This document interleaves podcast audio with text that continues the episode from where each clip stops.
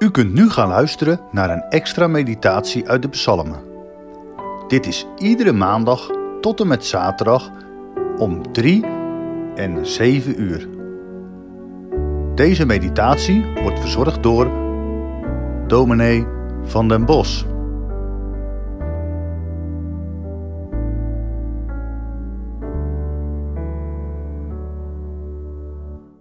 We zijn aangekomen in de Stille Week. De week die voorafgaat aan Pasen. De week waarin we ook met elkaar op weg zijn naar Goede Vrijdag. Vandaag luisteren we naar enkele versen uit Psalm 118. Psalm 118, de vers 1 tot en met 4. En daar lezen we: Loof de Heer, want Hij is goed. Eeuwig duurt zijn trouw. Laat Israël zeggen: Eeuwig duurt zijn trouw. Laat het huis van Aaron zeggen: Eeuwig duurt zijn trouw. Laat wie de Heer vreest zeggen: Eeuwig duurt zijn trouw. Komt telkens terug in deze psalm. Eeuwig duurt zijn trouw. In de vier versen die we met elkaar gelezen hebben, komt maar liefst drie keer het woord zeggen voor. En telkens als een aansporing om te zeggen: eeuwig duurt de trouw van de Heer. Drie keer een aansporing, telkens gericht aan een andere groep mensen. Eerst aan Israël, daarna aan het huis van Aaron, de priesters dus, en tenslotte een oproep aan allen die de Heere vrezen. U, jij, die de Heere vreest. En als je dan even aan die laatste groep denkt, die de Heer vreest, dan hoop ik dat velen al wel weten dat de Heer vrezen niet hetzelfde is als bang zijn voor de Heer. Maar veel meer iets heeft van eerbied voor Hem tonen. U, jij, die eerbied toont voor de Heer. Die weet dat je de Heere eerbied verschuldigd bent. Zeg het maar. Eeuwig duurt zijn trouw. Drie groepen. Die worden opgeroepen in de psalm om te zeggen dat de trouw van de Heer eeuwig duurt. Een oproep om te zeggen dat de trouw van de Heer eeuwig duurt. Dat is toch eigenlijk gek, denk ik dan. Gek dat de dichter de mensen oproept om te zeggen dat de trouw van de Heer eeuwig duurt. Gek toch? Dat zegt toch iedereen als vanzelf? Daar zwijg je toch niet over? Waarom dan toch die aansporing? Waren de omstandigheden er dan niet zo naar om te zeggen dat de trouw van de Heer eeuwig duurt? Was er te veel rijkdom? Was er te veel voorspoed? Waardoor de Israëlieten de Heer vergeten waren. Alles ging vanzelf goed. Er was vrede, voorspoed, er was handel. Geen enkele reden om je ergens zorgen over te maken. Omstandigheden waardoor het volk God vergat. Soms denk ik wel eens dat juist dat ook zo in ons eigen land en in Europa zo is vergaan. Het gaat goed. We hebben alles wat we wensen. Waarom zou je God nodig hebben? Waarom zou je zingen over zijn trouw? Was het geluk en voorspoed in Israël waardoor het volk God was vergeten en juist daarom moest worden opgeroepen om God te loven en te prijzen? Of was het juist heel anders? Waren er vijanden in het land? Waren de oogsten mislukt? Waren er andere tegenslagen? Ziekten? En was juist daardoor het loflied op de trouw van de Heere verstond? Gods trouw, waar zie je die dan nog? Laat de Heere ons niet aan ons lot over, om juist dan Gods trouw te bezingen? kun je nu eigenlijk nog wel zingen over de trouw van de Heer? Het coronavirus walst over de wereld heen. Het komt binnen in ons dorp, in je vriendenkring, je familiekring, in je gezin, in je eigen leven. Heel de wereld gaat op slot en wacht gespannen af wat gaat komen. Rekenmodellen worden ingezet te zien of de gezondheidszorg het aantal zieken dat verzorging nodig heeft wel aan zal kunnen. De economie is krakend en piepend tot stilstand gekomen. Groei is omgeslagen in krimp. Een recessie wordt verwacht. Om dan vandaag te zingen over de trouw van de Heeren. Toch is het juist dat wat de psalm ons vandaag tot drie keer toe oproept. Dit begin van de psalm doet me denken aan een dirigent voor een orkest. Eerst geeft hij de beurt aan de blazers, dan aan de strijkers en tenslotte heel het orkest samen. Eerst de ene bevolkingsgroep, dan een volgende en tenslotte iedereen samen. Psalm 118 is een van de pelgrimspsalmen. Juist de psalm die de aankomst van de pelgrims bij de tempel bezingt. De vele pelgrims uit alle hoeken van het land zijn samengekomen, vermoeid van de lange reis, vermoeid van zoveel ontberingen die ze hebben geleden.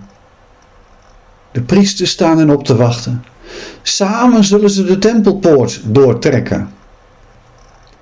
Eerst jullie, Israël, pelgrims, zeg, zing, eeuwig duurt de trouw van de Heere.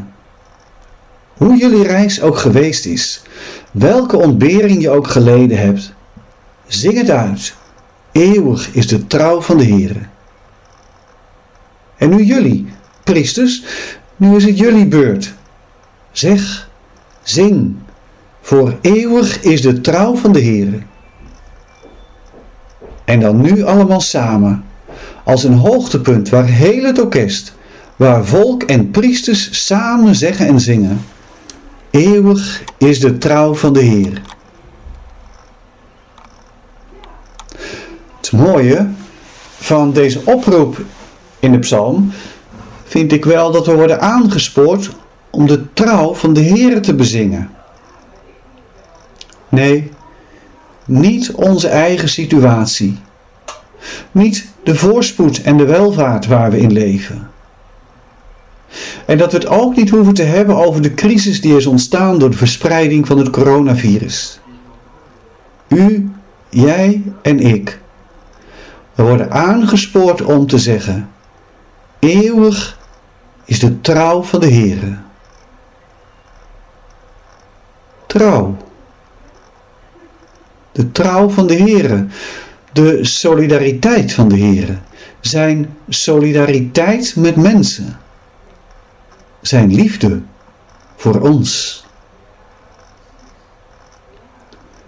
De woorden van deze psalm dwingen mij om voor mezelf na te gaan waar ik die verbondenheid, die trouw van de Heere zie. Als ik er even voor ga zitten, zie ik tekenen van Gods trouw. In de kleine dingen van het leven. Een eenvoudig kaartje dat ik juist in deze dagen van social distancing ontvang. Met die warme woorden erop.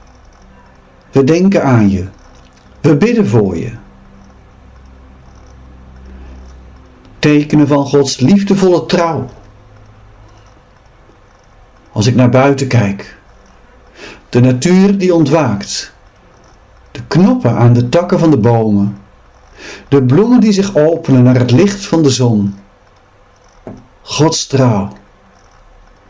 Zijn liefdevolle trouw.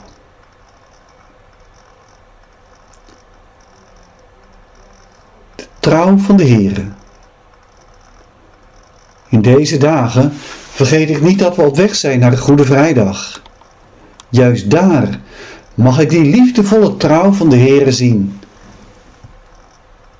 In de weg die Jezus ging, mijn heiland. In zijn solidariteit met mensen. Jezus. Hij kwam uit de hemel om onder mensen te wonen. Hij kwam uit liefdevolle trouw om voor ons de zonde en de schuld weg te nemen. Hij kwam uit liefdevolle trouw om zichzelf te geven. Om zo voor jou en voor mij de weg naar het Vaderhuis te openen. Al dat lijden wilde hij ondergaan. Hij keerde niet halverwege om. Hij brak zijn missie niet af toen hij Jeruzalem binnenging en wist wat een lijden hem te wachten stond. Hij ging die weg tot het eind, tot het kruis, voor jou en voor mij. Eeuwig duurt zijn trouw. Die trouw bemoedigt mij op mijn levensreis. Die trouw mag ik zien, iedere dag weer. En mag ik het zingen en zeggen, groot is uw trouw, o Heer, aan mij weer betoond. Alles wat ik nodig had, hebt gij gegeven. En daarbij, gij geeft vergeving, vergeving van zonden. Psalm 118 roept jou en mij op. Zeg het maar, zing het maar uit. De trouw van de Heere, zijn liefdevolle trouw, is eeuwig. Die trouw raakt nooit op. Die trouw kan niet stuk. Die trouw voor altijd. De dichter schudt mij wakker uit mijn sombere gepeins. De dichter trekt mij uit mijn onzekerheid over hoe de toekomst eruit zal zien. Soms heb ik die aansporing nodig. Zeg het maar mee. Sterker nog, eerst zegt de dichter het zelf. Zegt hij het mij voor. In vers 1. Loof de Heer, want hij is goed. Eeuwig duurt zijn trouw. Als een dirigent die het eerst voorspeelt en dan de muziekgroepen aanwijst. Nu jullie daar, speel de melodie maar na. En nu de andere groep instrumenten. Speel de melodie. En wanneer het goed klinkt, dan horen we al die stemmen samen. Een goddelijke symfonie. Trouwens, als ik goed luister, hoor ik hier niet zozeer iets van een orkest, maar nog meer van een koor. Een koor dat is samengesteld uit alle volken en alle groepen van heel de aarde. Een koor waarvan het aantal zangers niet te tellen is. Bekleed met witte gewaden. Ze zwaaien met hun palmtak op de maat van de muziek. En ze zingen uit volle borst. Nu met de woorden: De zaligheid is van onze God, die op de troon zit, en van het Lam. Ik hoor ze zingen over de liefdevolle trouw van de Heere. Zing het maar na. Zing het maar mee. Eeuwig is de trouw van de Heere. Laten we met elkaar bidden. Heer onze God, wij danken u voor de woorden van deze psalm. Eeuwig is uw trouw. Wat een geweldige boodschap. Juist wanneer het donker is, wanneer de toekomst onzeker lijkt, wanneer zoveel zorgen ons bezighouden, wanneer de wereld in rep en roer is. Eeuwig is uw trouw. U zorgt voor ons. Dat hebt u boven alles laten zien in Jezus Christus, uw Zoon. Hij, die zijn leven gaf, om ons te redden, om ons de zaligheid, de redding te geven. Wees bij ons in deze dagen. Wanneer zorgen op ons af kunnen komen. Wanneer we er zo door overvallen kunnen worden. Laat dan juist de aanmoediging van deze psalm mogen klinken. Zeg het maar na. Eeuwig duurt uw trouw.